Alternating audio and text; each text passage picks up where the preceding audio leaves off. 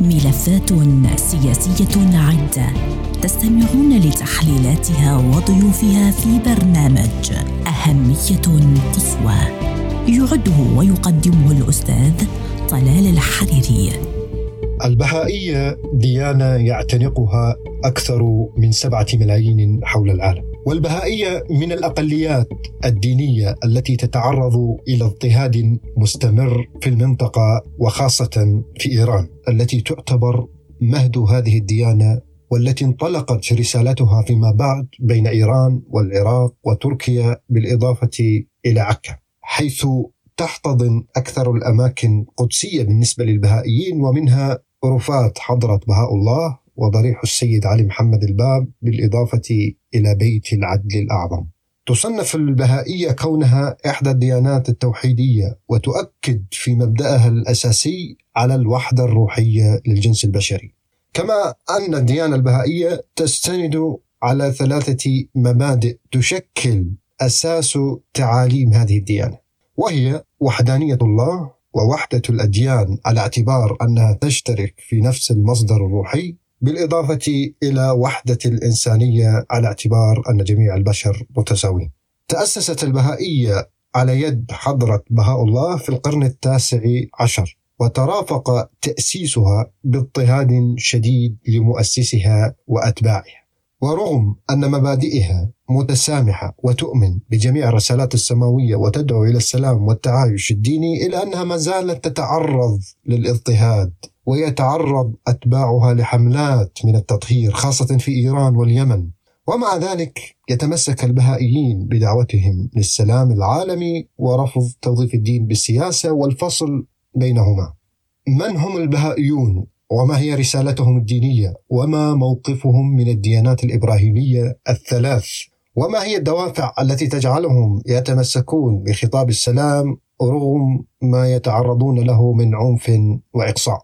وما هي أوضاعهم الاجتماعية في ظل استمرار الاضطهاد والتطهير العنيف الذي يمارس بحقهم؟ هذه المحاور الرئيسية سنناقشها مع الدكتور سياميك ساساني وهو شخصية بهائية ناشطة في نقل الرسالة البهائية. وباحث وأكاديمي بارز على مستوى أمريكا الشمالية. أهلا بك دكتور. نريد أن نبدأ معك في فهم الأسس العامة للبهائية بعيدا عن الصورة النمطية التي يتم تصديرها خاصة في منطقة الشرق الأوسط.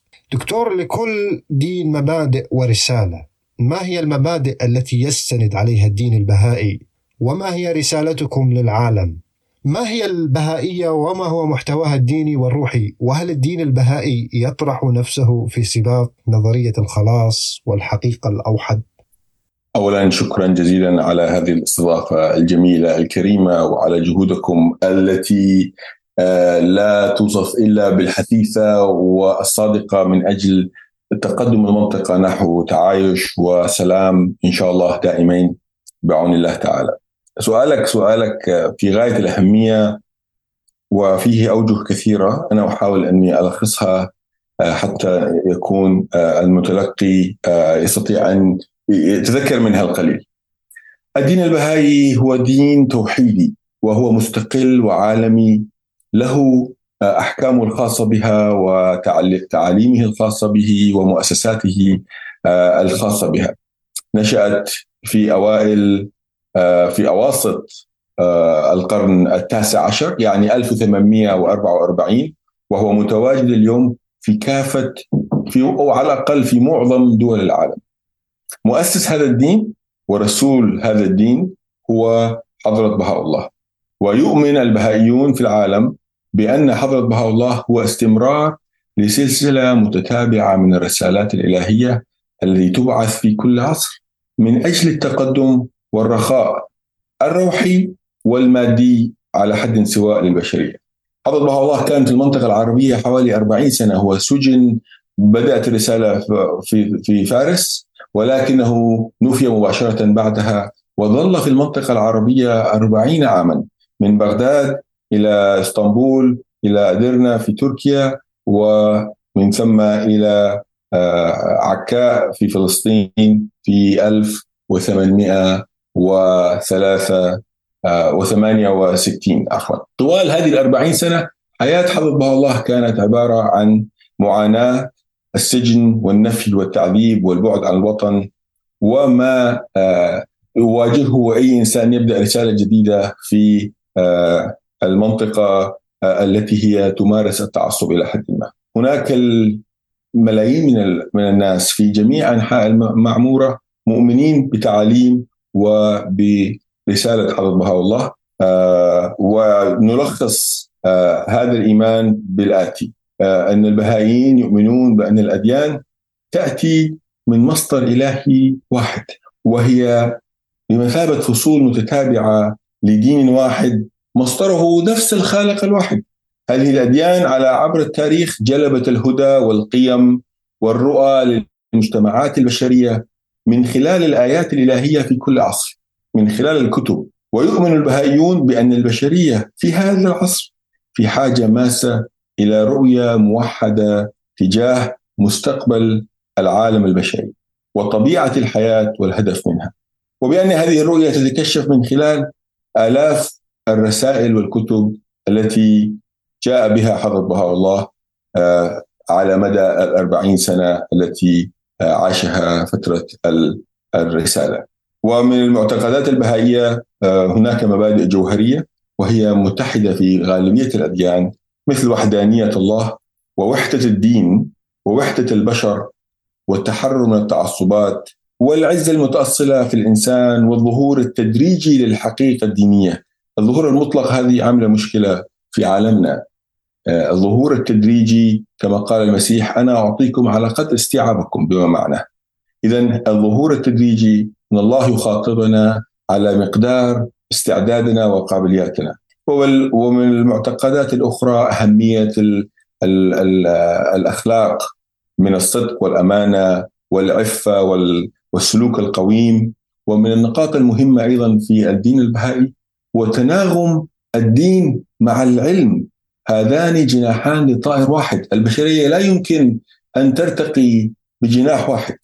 العلم والدين يجب أن يعملان يدا بيد ويتآزران في رفع هذا الطائر والتحليق به آه، في سماء التطور والتقدم الإنساني.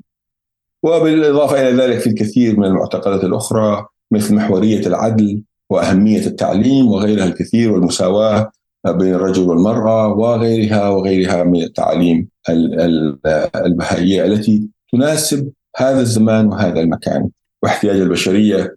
وهي آه، تؤمن في في في جوهرها أن العالم مدينة واحدة وعائلة واحدة وسكان الأرض هم أهل هذه العائلة وعائلة واحدة أيضا. ولا يوجد تفريق من حيث نبل الإنسان وأهمية الإنسان. من حيث الجوهر والمبدا. نعم دكتور ما وضحته بما يخص ماهيه البهائية والدين البهائي يأخذني إلى سؤال آخر يطرح على مستوى واسع. هل أنتم طائفة دينية أم مجموعة إنسانية أم ديانة مستقلة لها ثقافتها وطقوسها وعاداتها؟ كيف ترى البهائية نفسها وسط هذا التمايز الديني والثقافي خاصة في الشرق؟ والله البهائية ترى نفسها حلقة جديدة في سلسلة من الأديان التي آه، جاءت من الخالق لهداية البشر. وهذه الأديان والبهائية ليست آخر دين. البهائية تؤمن أن هناك أديان كل ما احتاجت البشرية إلى هداية الخالق إلى هداية الله. وأحتجنا إلى دفعة جديدة دفعة روحانية وزخم روحاني جديد. سبحانه وتعالى يبعث يختار من بين عباده أحدا يبعثه بالرسالة. اذا فهي ليست طائفة دينية أو ليست مجموعة إنسانية بل هي فعلا ديانة مستقله لها ثقافتها ولها تعاليمها ولها آه، يعني رؤيتها العالمية التي لا تفرق بين حدود دول وأجناس وأعراق وقوميات وجنسيات. كل هذه الاختلافات في نفس الوقت جميلة من حيث النظر البهائي يعني من حيث المعتقد البهائي لا يجب صهر جميع هذه الاختلافات في بوتقة واحدة. بالعكس كل هذه الثقافات المختلفة تغني وتثري مكتبة الثقافة الإنسانية. الموسيقى من كل بلد الشعر والأدب واللغة من كل بلد المطبخ والأغذية وتنوعها يضفي إلى هذا التنوع الإنساني الجميل. وهذه الحديقة تكون أجمل وأجمل كلما ازدهرت بأنواع أكثر وأطيب من الأزهار والورود والنباتات الجميلة ستكون مملة جدا لو كانت الحديقة كلها من نبتة واحدة أو من نوع واحد من الزهر فقط. عفوا دكتور هنالك سؤال على ما يبدو أنه مهم جدا يعني خاصة في ظل الظروف التي آه، يعيشها البهائيين في المنطقة.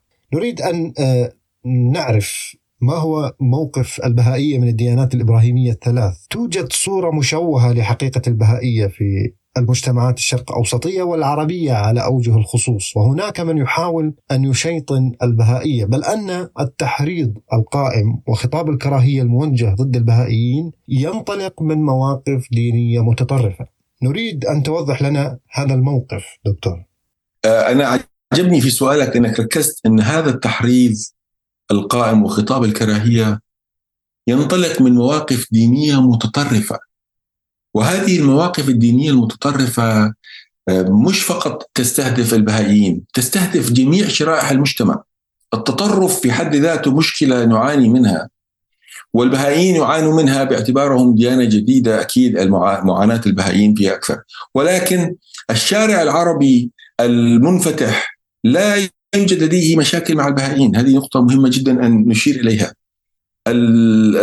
الشيطنة والتحريض وخطاب الكراهية فعلا تقوم بها مجموعة معينة ذات التطرف الديني وهذه المجموعة لأنها مطرفه فالضجة التي تثيرها أكبر من حجمها ونسبتها بكثير. ما هو الموقف من الأديان الإبراهيمية الثلاثة؟ أكيد البهائية تؤمن باحقيه و آه، يعني إن هذه رسالات سماوية وجاءت لتأخذ البشرية من مرحلة من مراحل آه، إلى مراحل أكثر تطورا وأكثر تقدما وهي في حقيقتها من حيث التعاليم الروحانية متحدة في التعاليم لأن دين الله واحد لا يتغير. ما تتغير هي الشرائع حسب احتياج والزمان والمكان للبلد أو المنطقة التي تأتي فيها الرسالات. النقطة التي تجدر الذكر بها أن هذه الأديان الثلاثة هي أيضا سلسلة من عائلة أكبر في أديان العالم.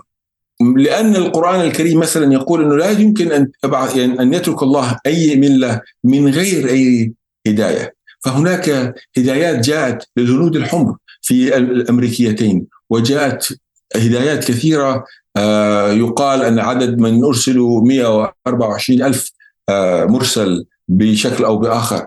فالبهائية تؤمن أن كل الأديان التي جاءت على الأرض هي في الحقيقة تؤدي بنا إلى مسير واحد الهندوسية والبوذية والزرادشتيه وغيرها من الأديان. هي أيضا ديانات أتت لتأخذ البشرية من مرحلة إلى مرحلة أكثر تقدما وثبتت ركائز ودعائم التميز الأخلاقي الشعائر المحبة الإخاء والإيثار وغيرها من المبادئ السامية التي ما تزال البشرية تسعى أن تصل إليها. ولكن كل هذه الرسائل وكل هذه الرسالات جاءت لتؤسس البشرية وتصل بها إلى مرحلة النضج اللي نحن نرى آه، علاماتها وبشاراتها في هذه الأيام من التطور الإنساني الرهيب في في في مجالات العلوم والتكنولوجيا والأدب والفهم وحقوق الإنسان وغيرها من آه، التوجهات الإنسانية. اذا قيمة الإنسان كإنسان بدأ في مؤخرا يظهر أن الإنسان هو الغاية وإن الأديان وسيلة للرقي بهذا الإنسان. للأسف في في الأدوار السابقة أو في في العبور في العهود السابقة كانت البشرية أو كان الإنسان لا قيمة له. الأيديولوجي أو الفكر هو الذي كان يحكم وكان يضحى بالناس من أجل اعتقاد معين أو طريقة تفكير معين أو حتى دين معين. الآن الأديان وصلت إلى حد أن البشرية تستطيع أن تعرف أن الأديان يرسلها الله لهداية البشر اذا البشر هم الغاية القصوى والأديان وسيلة نستطيع من خلالها أن نعمل سوية لرفع الاختلافات ورفع الحروب وإزالة النزاعات وإزالة الظلم الواقع على كاهل الغالبية الساحقة من سكان الأرض.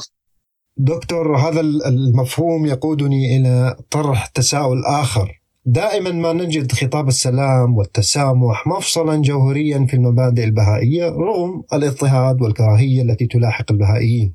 سؤالي هو لو كان للبهائيين منبرا يصل لجميع المجتمعات والأفراد في المنطقة فما الذي تقوله البهائية لهم؟ كيف تنظرون لمستقبل هذه المنطقة من حيث حرية المعتقد والتعايش والتسامح؟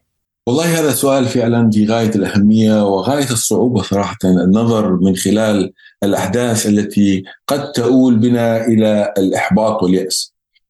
ولكن بشكل عام البهائيون متفائلون. البشرية تمر عبر مرحلة آه، ولادة متعسرة للأسف إذا جاز التعبير نحو مرحلة جديدة تستطيع من خلالها أن يعني تظهر على أرض الواقع هذه المعايير الإنسانية السامية. إذا نحن ما نمر فيه للأسف الشديد منطقتنا والعالم بشكل أشمل